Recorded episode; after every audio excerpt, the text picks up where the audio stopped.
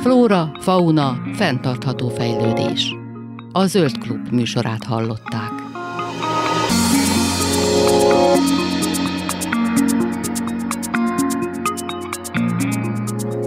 Kellemes délutánt kívánok, Laj Viktoriát hallják. A BBC-n megjelent egy globális elemzés, ami szerint a 80-as évek óta megduplázódott azoknak a napoknak a száma, amikor a hőmérséklet eléri az 50 Celsius fokot. Ráadásul mindez a bolygó egyre több területére érvényes, ami példátlan kihívások elé állítja az emberiséget és az eddigi életmódunkat. Az 50 fok feletti napok száma 1980 óta minden évtizedben nőtt.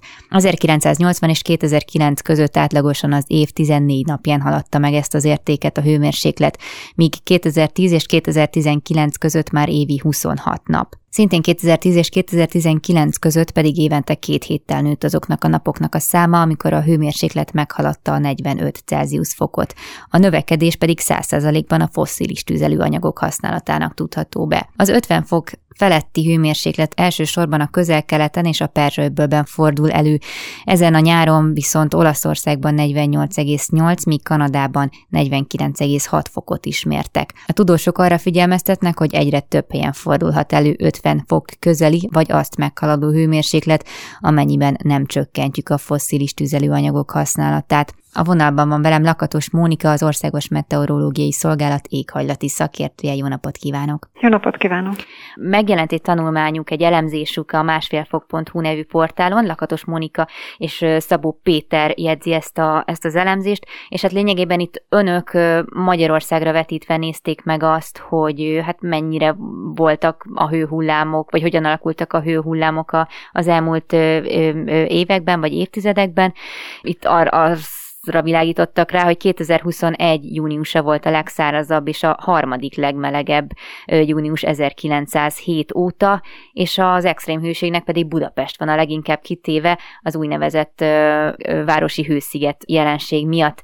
Na, de hát akkor erről majd egy picit később, és akkor amikor globális felmelegedésre gondolunk és klímaváltozásra, akkor azt mennyire állja meg a helyét az az egyszerű elképzelés, hogy hát akkor itt minden nyáron egyre melegebb lesz, hogy ha most Budapesten nem tudom, 35 fokot mértünk, akkor jövőre ez már lehet, hogy 36 és 38, és így fog emelkedni, vagy itt inkább arra kell gondolni, hogy inkább az extrém időjárás az, ami meghatározza az életünket, tehát nem egy egyenes változó ez, hanem inkább szélsőséges. Hát igen, ez utóbbi gondolatot tudom megerősíteni, tehát úgy tűnik, hogy az éghajlatváltozás, illetve a melegedés egy másik fokozatba kapcsolt. Tehát a globális melegedés nem úgy kell elképzelni, hogy évről évre egyre melegebb lesz, tehát annak ellenére, hogy összességében melegszik a bolygó, előfordulhatnak a szokásosnál jóval hidegebb időszakok is, de valójában ezeknek a valószínűsége, illetve a gyakorisága egyre kisebb.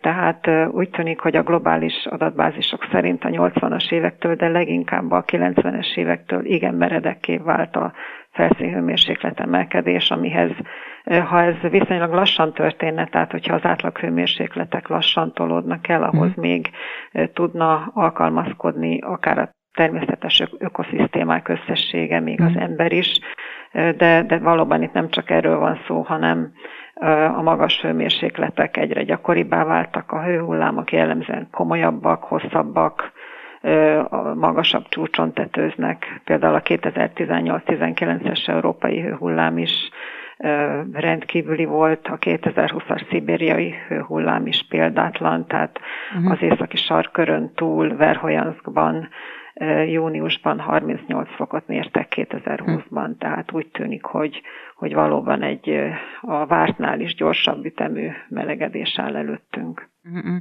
Akkor ez az elég ijesztő 50 fok közeli hőmérséklet, amit prognosztizálnak itt, hogy elég egyre több helyen elérheti a hőmérséklet ezt a szintet, ez akár minket is veszélyeztet a következő évtizedekben? Tehát reális, hogy nem tudom, 2000, nem tudom, 40-re elérhetjük mi is a 40 fok fölötti hőmérsékletet? Nagyon egyértelműen a nyarak melegszenek a mi régiónkban a leginkább már 1901-től 1,4 Celsius fokos a melegedés a Az 50 fok közelébe azonban még nem értünk el, tehát a, az országos hőmérsékleti rekord eddig 41,9 Celsius fok volt, ezt Kiskunhalason mértük 2007. Uh-huh.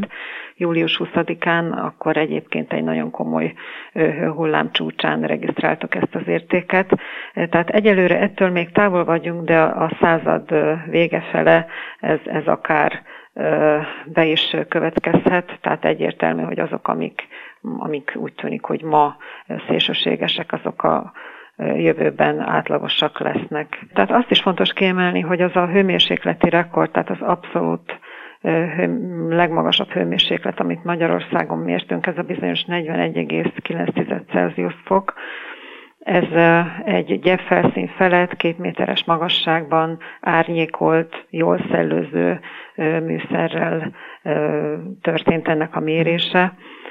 Tehát abban az esetben, hogyha a direkt napsütésnek kitett vagy burkolt felszín felett mérünk, akkor ennél sokkal magasabb hőmérsékleteket tapasztalhatunk.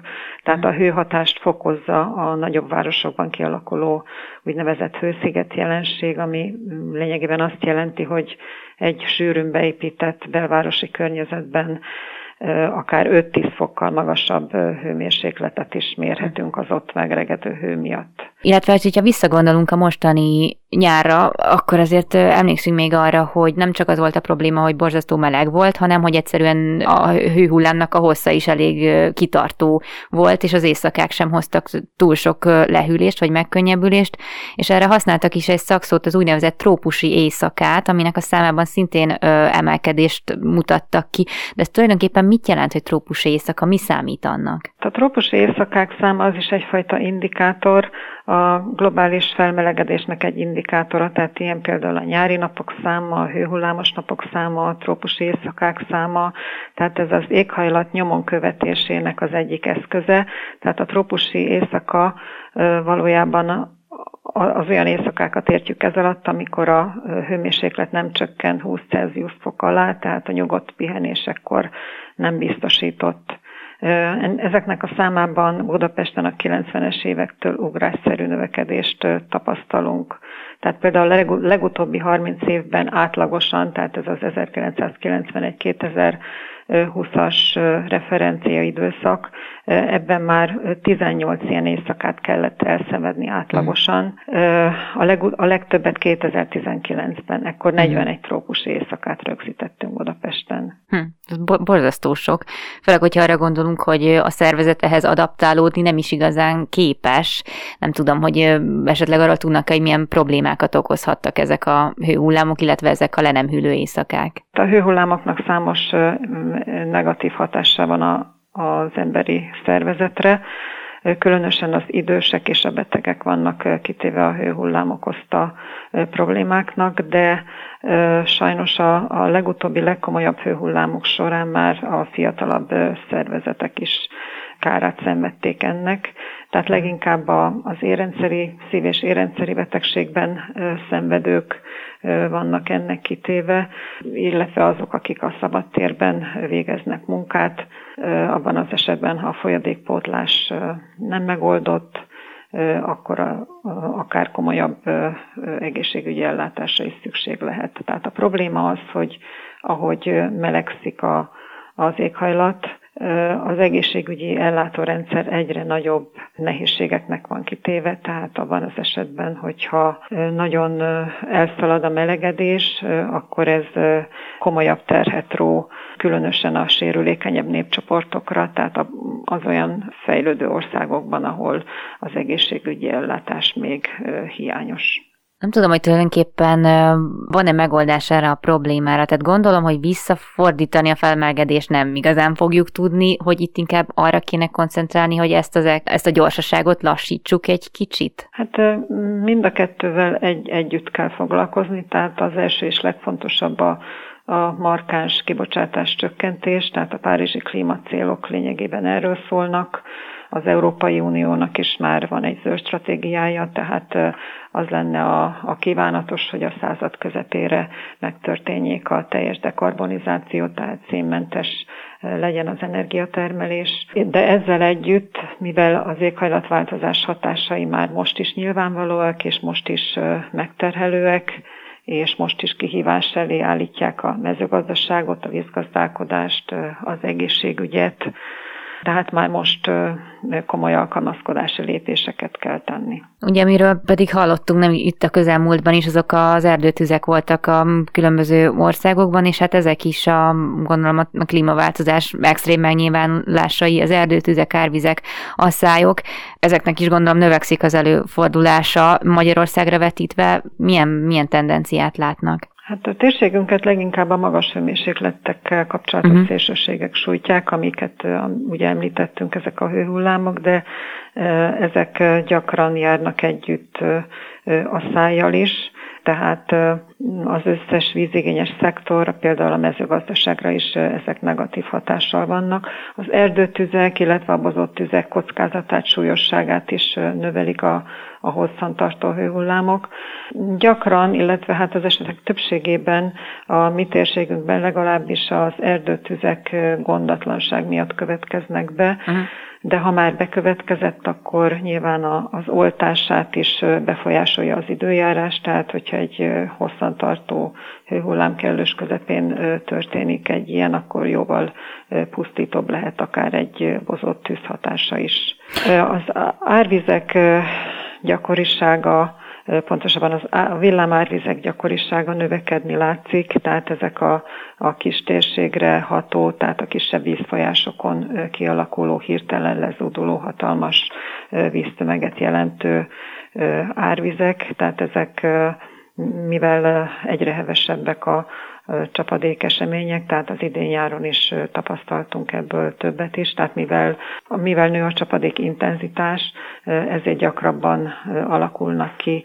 villámárvizek, nem csak a magasabb domborzat feletti magasság esetén okoznak pusztítást, hanem városokban, tehát például Budapesten vagy nagyobb városokban, Pécsett is volt erre példa, hogy a csatornarendszer nem tudta elnyelni a nagyon rövid idő alatt lezúduló hatalmas mennyiségű árvizet. Hát a nagyobb skálájú árvizek, amik a folyókon alakulnak ki, hát ezek nagyban függenek olyan tényezőktől is, hogy mennyire kiépített a gátrendszer, vagy a meder milyen állapotú, ezen kívül attól is függ nagy mértékben, hogy a határainkon túl éppen milyen az aktuális időjárás, vagy milyen éghajlati trendek alakulnak ki, akár Németországban a Duna felső vízgyűjtőjén, uh-huh. tehát nagyban, nagyban a határonkon túli időjárási tényezők határozzák meg. Uh-huh. Uh, hogyha egy picit visszatérünk itt a városi, illetve a hőmérsékleti maximumokra, illetve mindennek a, a városban való megjelenésére, ugye említettük ezt a, ezt a hősziget hatást, amire önmagában a fásítás, ez ön szerint lehet egy, egy megoldás, mint például, ahogy most a Bakács tér jutott eszembe, ahol majd úgy fogják meg megcsinálni, a, vagy felújítani a teret, hogy a fákat egy újfajta módszerrel fogják gondozni, ami, ami optimálisabbá teszi az ő növekedésüket. De hogy vajon ez, tehát konkrétan a zöldítés, fásítás, ez, ez megoldás arra, hogy csökkentsük ezeket a hőmérsékleti maximumokat, és így egy kicsit engedjünk a nyomáson, ami a szervezetünket éri. Igen, a, a parkosítás az valóban egy, egy olyan tényező, amivel élhetőbbé lehet tenni a környezetet. Tehát a városépítés során, illetve a város tervezés során már a budapesti környezeti állapot értékelést is vélhetően figyelembe veszik a, a városatyák, tehát itt tettek olyan javaslatokat a tervező kollégák számára, hogy minél nagyobb területen alkalmazzunk zöldtetőket, parkokat létesítsünk, tehát ez, ez mind, mind, tehát minden, amivel csökkentjük a burkolt felület nagyságát, azzal ezt a bizonyos többlet hősziget hatást tudjuk mérsékelni, és az pozitív hatással van a, az egészségünkre. Egyébként ezeket a számításokat, hogy mire számíthatunk a közel jövő, érted nem csak a közeljövőben, azokat ilyen nagyon érdekes klíma vagy éghajlati modellekkel tudják kiszámolni, viszont így nyilván laikusként egy picit bonyolult ezeknek a működése, de össze tudnám foglalni hogy tulajdonképpen ez, ez miről szól? Tehát mit vesznek ezek számításba? Ha jól tudom, akkor van egy, egy vagy két szenárióval szoktak ilyenkor dolgozni, egy optimista és egy pessimista szenárióval? Többféle szenárió létezik. A, a klímamodellek arra szolgálnak, hogy az éghajlati rendszernek a jövőbeli alakulását tudjuk valamilyen módon megbecsülni, tehát a kormányzó fizikai folyamatokat matematikai egyenletekre fordítják, és ezt, ezekre egy számítógépes modell kimenetet adnak. Tehát ezek a klímamodellek úgy működnek, hogy valamilyen módon becslést kell adni arra, hogy az emberi tevékenység hogy alakul a jövőben, de ezt nem tudjuk egyértelműen hmm, meghatározni. Igen, igen. Tehát ezért a, ezekben a modellekben az emberi hatást különböző feltételezések mentén megalkotott úgynevezett éghajlatváltozási forgatókönyvekkel írjuk le. Tehát ilyen feltételezések például, hogy a jövőben a megújuló energiaforrások kerülnek -e előtérbe vagy sem, tehát hogy továbbra is túlnyomó részt fosszilis energiahordozókra alapozzák a az energiatermelést, vagy, vagy sem. Tehát ezek az egyes forgatókönyvek, az üvegházhatású gázok és az aeroszol részecskék légköri koncentrációjának egy bizonyos lehetséges jövőbeli pályáját számszerűsítik, tehát ezek a, azok a bizonyos éghajlatváltozási forgatókönyvek, amikből vannak optimistábbak és pessimistábbak, ahogy ön is említette. Tehát az éghajlati modelleknek az a szerepe, hogy az éghajlati rendszert leírják, tehát nem csak természetes tényezőkkel, amik ugye például a vulkánosság vagy a napsugárzás intenzitásának a megváltozása, hanem valamilyen módon az emberi tevékenységet is modellezik. Tehát uh-huh. az mhm. OMSZ-ban is futtatunk több ilyen regionális klímamodellt, és ezeknek a tanulsága szerint is azt látjuk, hogy a melegedés a, a század végére a nyarakon uh-huh. akár a 3-4 fokot is elérheti. Hű. Egy kicsit ijesztő belegondolni, de mondjuk egy legoptimista forgatókönyv szerint hogyan alakulna a, hőmérsékletünk? Hát például Budapestre vonatkozóan az optimista becslések szerint a, ref, a referencia időszakhoz, tehát az a 71-2000-es referenciaidőszak 10, 10 vagy 24-jel is megnőhet a hőhullámos napok gyakorisága, de a legpesszimistább szenárió szerint ez akár 54 is lehet. Tehát uh-huh, uh-huh. több mint egy hónappal több hőhullámos nap fog fellépni a század végén Budapesten, mint a referencia időszakban. Uh-huh. Tehát ez, ez valóban egy nem túl vidám jövőkép. Nem, egyáltalán nem sajnos. Viszont sok mindent szokás ugye ráírni a, a klímaváltozásnak a, a számlájára, és nem feltétlenül vagyunk, vagy tévedünk azzal gondolom, hogyha ezeket ennek tudjunk be, de azért vannak ilyen jelenségek, mint például az évszakoknak ez az egyre, hogy mondjam, kevés, tehát hogy mint hogyha elvágtak volna bizonyos évszakokat, és úgy ugranánk át a másikba, mint például most vasárnap még pólóban sétált az ember, hétfő meg már nagy kabátot kellett felvennie, hogy ezek az éles változások, ezek betudhatók tulajdonképpen ennek, vagy ezek mindig velünk voltak, csak mondjuk most tűnik fel, mert most beszélünk erről? Hát az éghajlatnak van bizonyos bizonyos mértékű változékonysága. Tehát régebben is előfordultak akár komolyabb hőségperiódusok is, amit most látunk, hogy ezek gyakoribbá váltak. Régen is előfordultak rendkívül hidegek, de ezek sem példanélküliek mostanában sem, tehát például 2017. januárja egy rendkívül hideg január volt, a legutóbbi 30 év leghidegebb januárja, tehát egyfajta véghajlati változékonyság az továbbra is velünk van. Amit a különböző évszakok hosszáról említett, az valóban úgy tűnik, hogy a melegebb évszak, tehát a, a, a nyarak hosszabbá váltak, tehát korábban kezdődnek, illetve tovább tartanak, ezt tapasztaltuk most is, tehát egy ilyen nagyon kellemes meleg nyárutó, nyáruton vagyunk túl, és még a hétvégére újra 20 fok fölé kúszik a hőmérséklet. Uh-huh. Tehát azt látjuk, hogy a, a nyarak, tehát a melegebb évszak hosszabb, a, a, a hűvösebb évszakok, tehát a telek pedig egyértelműen rövidültek. A, az átmeneti évszakok pedig van, hogy inkább a, például a, a május, a tavasz utolsó hónapja inkább a nyarat idézi, a nyár utolsó, illetve az ősz első hónapja, a szeptember még mindig a nyarat idézi, de, de előfordulhat, hogy ezek a, az átmeneti hónapok inkább a, a megelőző évszakra hasonlítanak. Tehát uh-huh. A változékonyság az továbbra is velünk lesz, de nagyon egyértelmű a, a melegebb éghajlat felé való eltolódás. Hát sajnos nem tudunk pozitív zárszót ragni ennek a történetnek a végére. Minden esetre én nagyon szépen köszönöm Lakatos Mónikának, az Országos Meteorológiai Szolgálat éghajlati szakértőjének a, a beszélgetést. Köszönöm szépen én is. Köszönöm.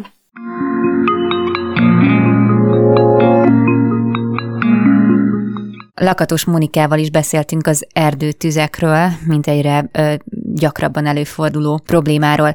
Az Európai Unió Kopernikus légkörmegfigyelő szolgálatának kedden közétett adatai szerint idén-nyáron rekordot döntött az északi félteke, számos részén pusztító súlyos erdőtüzek által kibocsátott széndiokszid mennyisége. Az intenzív tüzek, köztük a földközi tenger Észak-Amerika és Szibéria forró pontjain keletkezett tüzek több mint 2,7 milliárd tonna széndiokszidot bocsátottak ki a nyáron. Júliusban és augusztusban is havi rekordot döntött a tüzekből fakadó károsanyag kibocsátás.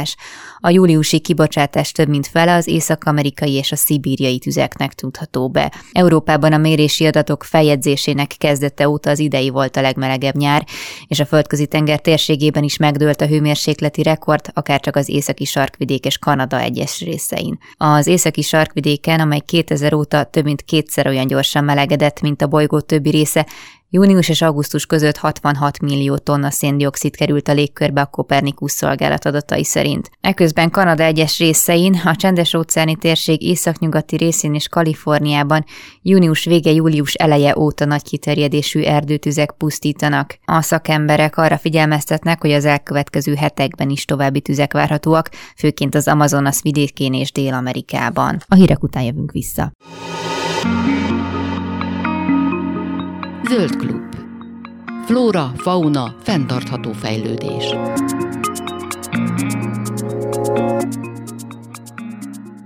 A széki lile amerikai változatának a tojói hajlamosak az apára hagyni éppen csak kikelt fiókáikat, majd párba állnak egy másik hímmadárral, és így új fészekaljat hoznak létre. Egy nemzetközi kutatócsoport viselkedés ökológusai derítették ki ezeknek az okait. A kutatást Kupán Krisztina vezette, a Max Planck Ornitológiai Intézet posztdoktori kutatója. Szervusz! Ja, köszönöm a meghívást. Amerikai széki lilékről azt kell tudni, hogy megjelenésükben igazából jelentéktelen madárkák, apró, tehát tényleg ilyen 15 cm-esek, és a találkozik vele az ember, csak azt lehet látni, hogy fel alá futkárásznak a homokos tengerparton, és apró vízátlábbakat keresgélnek. Közeli rokonságban állnak az amúgy Magyarországon is megtalálható székililékkel. Mind Magyarországon, mind Amerikában fokozottan veszélyeztetett státuszúak. Ez elsősorban az élőhelyüknek a, az eltűnése, tehát a fokozatos szárazodásnak a, a következménye. Amerikában elsősorban az USA területén, Közép-Amerikában és a Dél-Amerikának a nyugati partján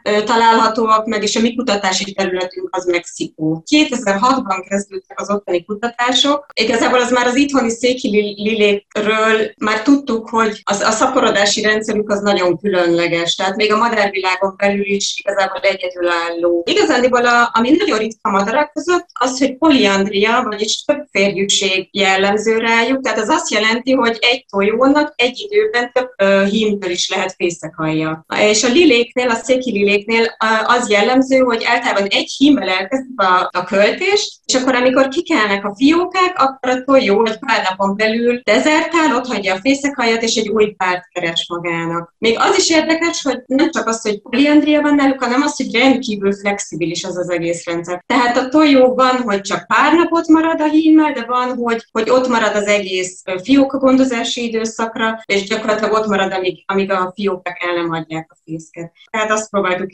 kideríteni, hogy, hogy mi az oka ennek, hogy, hogy mik azok a, a környezeti ingerek, amik a, igazából a tojót a dezertárásra készítetik, vagy a, a dezertárás lehetővé teszik egyáltalán. Amit már korábban is tudtunk igazándiból, hogy érdekes módon a felnőttkori ivararány az el van tolódva. Amikor kikelnek a fiúkák, akkor még ez nagyjából 50-50 százalék, tehát 50 százalék hím, 50 százalék tojó. Viszont valami miatt az első évben ez eltolódik olyannyira, hogy mire elérik az ivaréretkort, addigra 65 százaléka a populációnak hím, és a maradék 35 csak tojó. Ezt nem pontosan tudjuk, hogy ez miért van.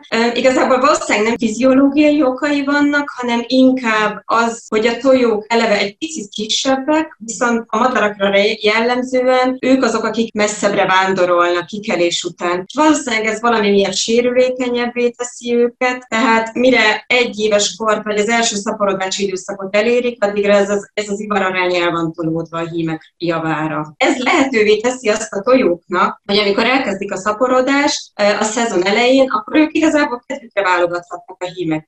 Viszont van egy másik fontos um, sajátossága vagy jellemzője a liléknek, az, hogy a fiókáik fészekhagyóak. Tehát az azt jelenti, hogy amikor a kis fiókák kikelnek, egy olyan 28 nap után, akkor ők már tollasak, teljesen önállóan tudnak enni. Tehát igazából nem igényelnek olyan nagyon sok figyelmet, gondozást a szülőktől. Tehát elvileg akár egy szülő is elég lenne ahhoz, hogy a fiókákat fölnevelje. És ez lehetővé teszi azt, hogy ha, ha tényleg ideálisak a körülmények, akkor az egyik szülő akár ott is hagyhatja a másikat, és elmehet új párt keresni magának. És valószínűleg azt teszi lehetővé a, a tojó dezertálás, hogy a tojó az, aki megengedheti magának, hogy, hogy dezertáljon, mert van egy csomó más hím még a populációban, akik nem álltak párba. Sokáig azt is gondoltuk, hogy igazándiból ez egy nagyon jó stratégia, mert a tojó így növelni tudja a szaporodási sikerét, ugye többször párba áll, egyszerűen több tojást, több fiókát tud egy szezonban létrehozni. Listening. Viszont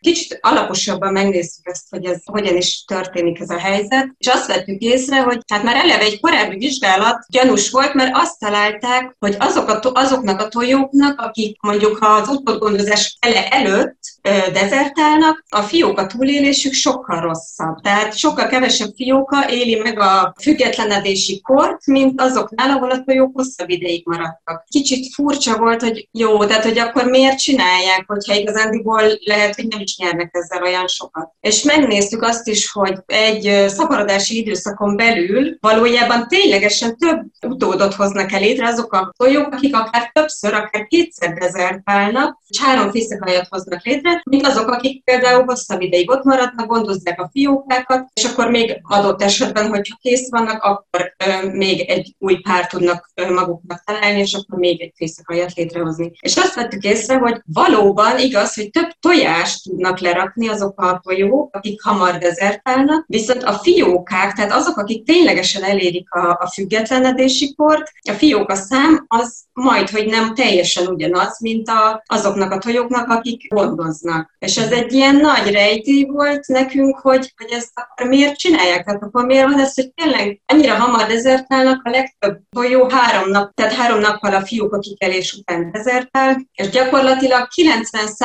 százalékban egy héten belül, vagy tíz napon belül dezertálnak. És sokáig azt gondoltuk, hogy ez lehet, hogy valami egy ilyen nem adaptív viselkedés, tehát hogy valahogy benne ragadtak ebben, nem tudnak változtatni, és dezertálnak, dezertálnak, de már rég nem sikeres stratégia ez. Ezt akartuk egy kicsit így jobban megvizsgálni. Elkezdtünk különböző tényezőket számításba venni, mik lehetnek azok, amik befolyásolják azt, hogy a tojó meddig marad, mikor dezertál, milyen körülmények között dezertál. Pár dolgot már tudtunk korábbról is, tehát még már a széki villés kutatásokból tudtuk azt, hogy általában a szezon elején viszonylag gyorsan dezertálnak a tojók, és viszonylag rövid idő után. És ez azért van, mert akkor még gyorsan párba tudnak állni új hímekkel. Mert ugye mi történik? Tehát a, ahogy elkezdenek kikelni a fiókák, akkor a, a hímek elkezdik gondozni őket. A tojó ugye dezertál, lelép, viszont egy csomó hím közben gondoz már. Tehát igazából, ahogy a szezon halad, egyre kevesebb az elérhető hím. És azért a szezon elején megpróbálnak gyorsan dezertálni, új partnert találni, akik ott maradnak, később dezertálnak, azok pár nélkül maradnak. Tehát azok akkor kénytelenek ott maradni a, a fiókákkal, mert nincs, nincsen elérhető hím. Tehát ez volt az egyik tényező, amit észrevettünk, tehát hogy nagyon erős szezonális hatás van. Akkor ugye az is igazából érthető, hogy minél idősebbek a fiókák, annál valószínűbb, hogy a tojó dezertál, mert annál önállóbbak. Tehát nem kell őket elengedni többet, ők maguk is egyre tud, jobban tudatában lenni a környezetüknek, mert általában ami nagyon fontos szerep a szülők részéről, hogy riasztnak, hogyha valami, ha valami ragadozó jön, és megvédik őket a többi családtól, mert elég gyakran a legnagyobb, például az egyik legnagyobb veszély a fiókákra az, hogy a többi család szülei megtámadják őket. Annyira, hogy, oh. hogy el is tudják pusztítani a fiókákat. Viszont a másik, amit, ami egy teljesen új volt, ebben a kutatásban találtuk, hogy megnéztük azt, hogy mennyire befolyásolja a szülőnek, a tojónak a döntését, azt, hogy az aktuális fióka szem, hogy aznap három fióka van ott, vagy kettő, vagy egy fióka. Ezt egy viszonylag új, vagy legalábbis viselkedés és ökológiában új modellel próbáltuk modellezni, ami egy ilyen nagyon dinamikus modell, tehát akár ilyen napi változást is tud modellezni, és azt vettük észre, hogy minél alacsonyabb a, a napi fiókaszám, annál nagyobb az esélye, hogy a tojó dezertál. És igazándiból ez vetette fel bennünk a kérdést, hogy nem lehet-e, hogy az történik, hogy amikor a fióka meghal, akkor dezertál a, a tojó. Tűnik, mint hogyha gyakorlatilag számolná, hogy hány van aznap, tehát ha most nem is szó szerint értendően számolja, de hogy nagyon érzékeny arra, hogy, hogy a fiókák egyrészt, hogy hány van, és másrészt az, hogy milyen kondícióban vannak. Tényleg a tojóknak több mint 30%-a a dezertáló tojóknak akkor dezertált, amikor egy fióka elpusztult. És ez azért új információ igazándiból, mert ez azt mutatja, hogy nem a tojó dezertálás feltétlenül az oka a fióka elpusztulásnak, hanem inkább a tojók azok, akik érzékenyek a fészekajnak a kondíciójára, a túlélési esélyre, és hogyha látják, hogy, hogy a fiókák nem valami jól... Nem annyira életképesek. Igen, tehát hogyha romlik a kondíciójuk, levékonyodnak, akkor valószínűleg a tojó azt gondolja, hogy, hogy hát ő már itt nem nagyon tud mit csinálni, és akkor viszont tényleg sokkal több értelme van dezertálni, és egy új fészekaljat hozni, és kvázi tiszta lappal kezdeni, mint az, hogy még rengeteg energiát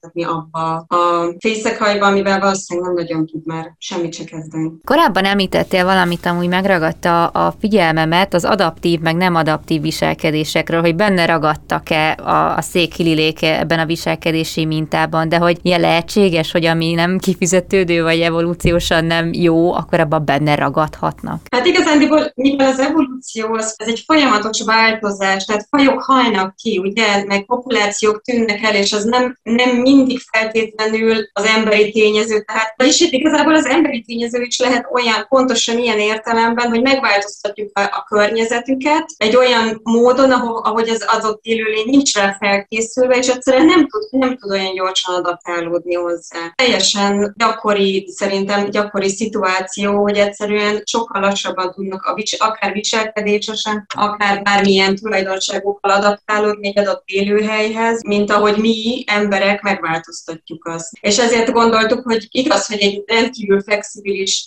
utódgondozási viselkedése van a liléknek, de lehet, hogy nem jól reagál, vagy nem jól követi a, változásokat. De egyébként ezek alapján abszolút azt gondoljuk, hogy nagyon is adaptív, amit csinálnak. Tehát, hogy nagy, valószínűleg a lehető legjobb döntést hozzák, amikor dezertálnak. De hogy 2006 óta mondjuk megállapítható ezeken a vizsgálati helyeken, hogy változott volna az életkörülményük, mondjuk nagyobb a szárasság, mit tudom én, kevesebb a víz? Hát az biztos, hogy az élőhely az nagyon szárazodik. 2006 óta a fióka produkciója a területnek az egyre kevesebb folyamatosan, és egyre kevesebb a fészkelőpár is, tehát ez is látszik. Ez egyébként ez a terület, ahol dolgozunk, a Sinaloa államban és ez egy ilyen elhagyott, ilyen garnéla kitermelő rész volt, tehát ott abba hagyták ezt a munkát, és egy ilyen szikesebb, ilyen homokos, egy hatalmas ilyen homokos terület, ami egyébként teljesen ideális a liléknek a szaporodásra. Viszont korábban volt egy csomó ilyen kis csatorna, meg a tengervíz is így sokkal jobban el tudta az egész területet árasztani. Ez most az egész töltődik föl homokkal, meg szeméttel, meg mindenfélével, meg növi be a mindenféle növényzet, és azért egyre kevésbé tudja a víz elletni az élőhelyet. Most a, az egyik projektünk közé tartozik, hogy az egy ilyen élőhely rehabilitációs program, tehát kitisztítani egy kicsit az egész területet, a csatornákat, és újra elárasztani vízzel. És pontosan ez az egyik dolog, amit meg akarunk nézni, hogy vajon a tojók az egész utódgondozó viselkedésüket igazítják. Tehát, hogyha sikerül a területet elárasztani, és újra visszahozni a vizet egy kicsit az élőhelyre, akkor ott, vagy mennyire reagálnak a tojók erre az új helyzetre az utódgondozó viselkedésükkel. Úgyhogy ez egy érdekes kérdés egyébként. Hát nagyon szépen köszönöm, hogy mindezeket elmondtad. Kupán Krisztinával beszélgettem a Max Planck Ornitológiai Intézet posztdoktori kutatójával. Köszönöm én is a meghívást.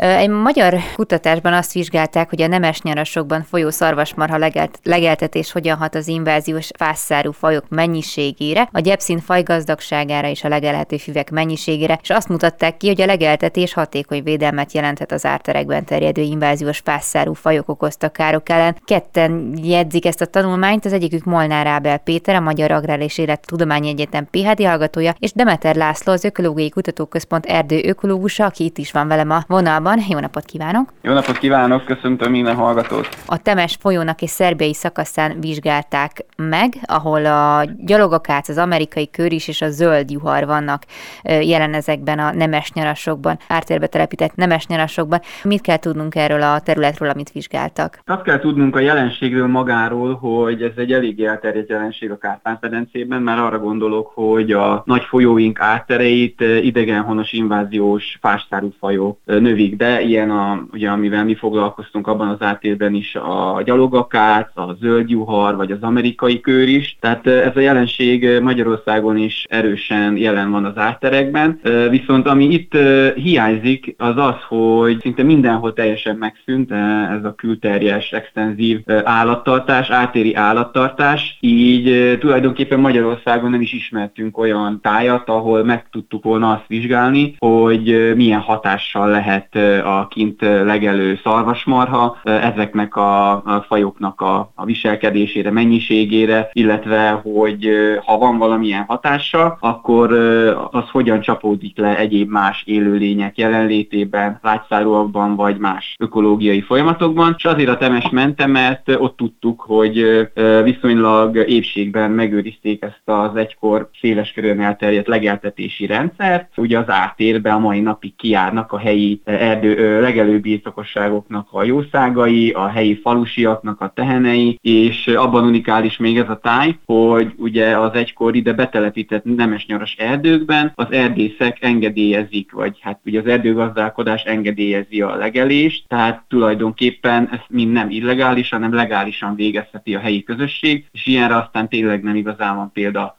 Magyarországon. De tulajdonképpen az erdőgazdálkodásnak milyen érvei vannak a legeltetés ellen, amiért ezt külön engedélyeztetni kell? Az volt a meglepő, hogy ott helyben nem is igazán volt érv, tehát oh. hogy elmeséltük, hogy ez így nálunk nem egy bevett gyakorlat, sőt tulajdonképpen a 2017-es erdőtörvény módosításáit tiltott volt, akkor igazából ők ezt nem, nem is igazán értették, hogy miért, hiszen ők nem uh-huh. tapasztalnak semmilyen egyéb olyan kárta, ami miatt ki, ki kellene, vagy ki lehetne tiltani a helyiek legelő jószágait. Mondja, hogy viszonylag megőrizték ezt a hagyományos legeltetést, tehát mondjuk ezt hogy kell elképzelni, hogy miben vált változott ez, vagy hogyan néz ki most? Tehát mi a gyakorlata az ottani legeltetési szokásra vagy rendszerre? Hát a korábbihoz képest, mondjuk a néhány évtizeddel ezelőttihez képest ugye az változott, hogy egyáltalán megjelent a nemes nyár az átérben. Aha. Hát ugye ez egy idegen honos fa fajta, egy klón, amit a második világháború után hoztak a Kárpát-medence több pontjában, és ugye hát beleültették a helyiek legelőjébe, tehát így gyakorlatilag csökkent a legelő terület, mint olyan a gyep területe, és ugyanakkor akkor hát ugyanúgy, ahogy a kárpát sok pontjában ezzel egy időleg elkezdett csökkenni a legelő jószágnak a létszáma is, mm. tehát ez egy ismert jelenség, hogy nem igazán akar senki,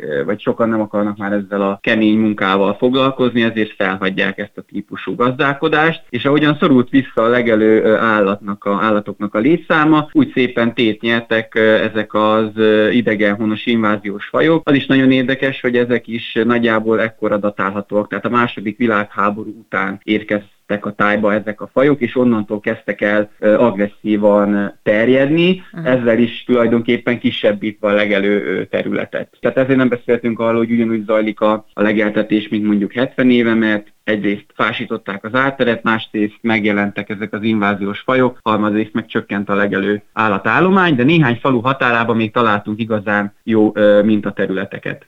Ugye itt azt sikerült kimutatni, hogy, hogy jó védelmet jelenthet a legeltetés az árterekben terjedő inváziós fászerű fajok okozta károk ellen, de hogy igazából mitől jobb ez, mint hogyha más módszert használnának arra, hogy ezeket a fajokat visszaszorítsa? Tehát mondjuk itt a, ezek a haszonállatok valami szerkezeti változást tudnak hozni itt a növényöztetételben, vagy miért olyan jók ők? Az a leges, legideálisabb eset, amikor huzamosabb ideig, akár évtizedekig legel a jószág, mert akkor tulajdonképpen nem engedi meg azt, hogy ezek a nagyon könnyen, gyorsan terjedő és könnyen megtelepedni képes fajok, azok átvegyék a területet, és gyepterületből ilyen sűrű cserjést alakítsanak ki. Tehát ez a, ez a szituáció itt konzerválódott, tehát a temes átterén ilyen helyzeteket tudtunk vizsgálni, ez a legideálisabb. Viszont ha már egyszer benövi akármilyen, akár honos fajokból álló sűrű cserjés a gyepet, akkor már sokkal nehezebb a helyzet, tehát a visszaszorítása már plusz energiát igényel. Persze vannak más módszerek, amikkel próbálkoznak a magyar, magyarországi átterekben is, mint például a szárzúzás vagy, vagy a kaszálás, viszont amennyiben ezek valamilyen projekt pénzből táplálkoznak, akkor amint abba hagyják a, a százúzás kaszálást, újra felveri magát egy ilyen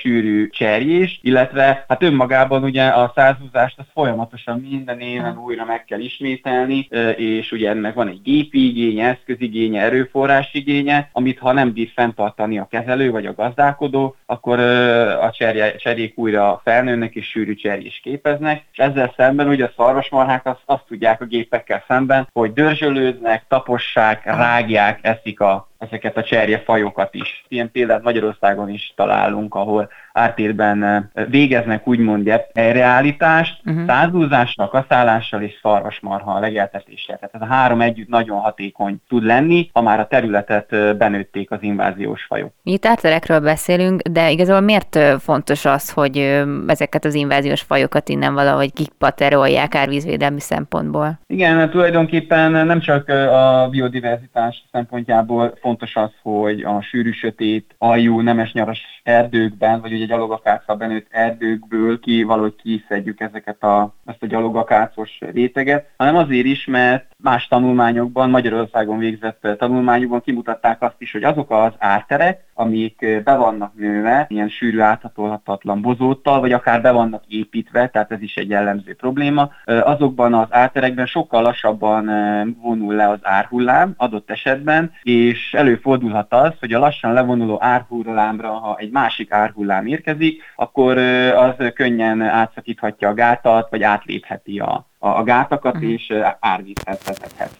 De egyébként most, hogy sikerült kimutatni ezeket a pozitívumokat, így mondjuk Magyarországra vetítve, ahol ez az érintett területeket, hogyha megnézzük, akkor itt most elképzelhető az, hogy beinduljon egy, egy legeltető forma, vagy van-e mondjuk erre elég állattartó, vagy állat, ami képes elvégezni ezt a munkát, vagy mire lehet számítani innentől kezdve? Igen, nagyon jó kérdés. Egyébként így, ahogy figyelem a, a megjelent cikkünknek az utóéletét és a kommenteket, amiket kapunk rá laikusoktól is, mert meg, meg hozzáértőktől, hát ez az egyik legzalmasabb kérdés. Egyre inkább visszaszorulóban van ez, az, ez a típusú állattartás, és hát nem is, nem is igazán tudom ezt megválaszolni érdemben. Van rá igény, ez biztos, és hát az a kérdés itt igazából, hogy szeretnénk-e még nagyobb igény generálni. Tehát a még nagyobb igény az azt jelenti, uh-huh. hogy még nagyobb állat létszámmal úgymond legeltetést csinálni áttérben. Szerintem érdemes lehetne. Azt hiszem, hogy a nemzeti parkoknál, akiknek a működési területén van ilyen áttéri, akár ilyen nemes nyaras vagy, vagy áttéri egyéb gyep, amit inváziós fajok veszélyeztetnek, vagy honos puhafás ligeterdőik vannak, amik honos nyár és fűzfolyókból állnak, ott lehetne le- le- relevanciája. Több nemzeti park tart is úgymond szarvasmarhát, amivel mm. ezeket a területeket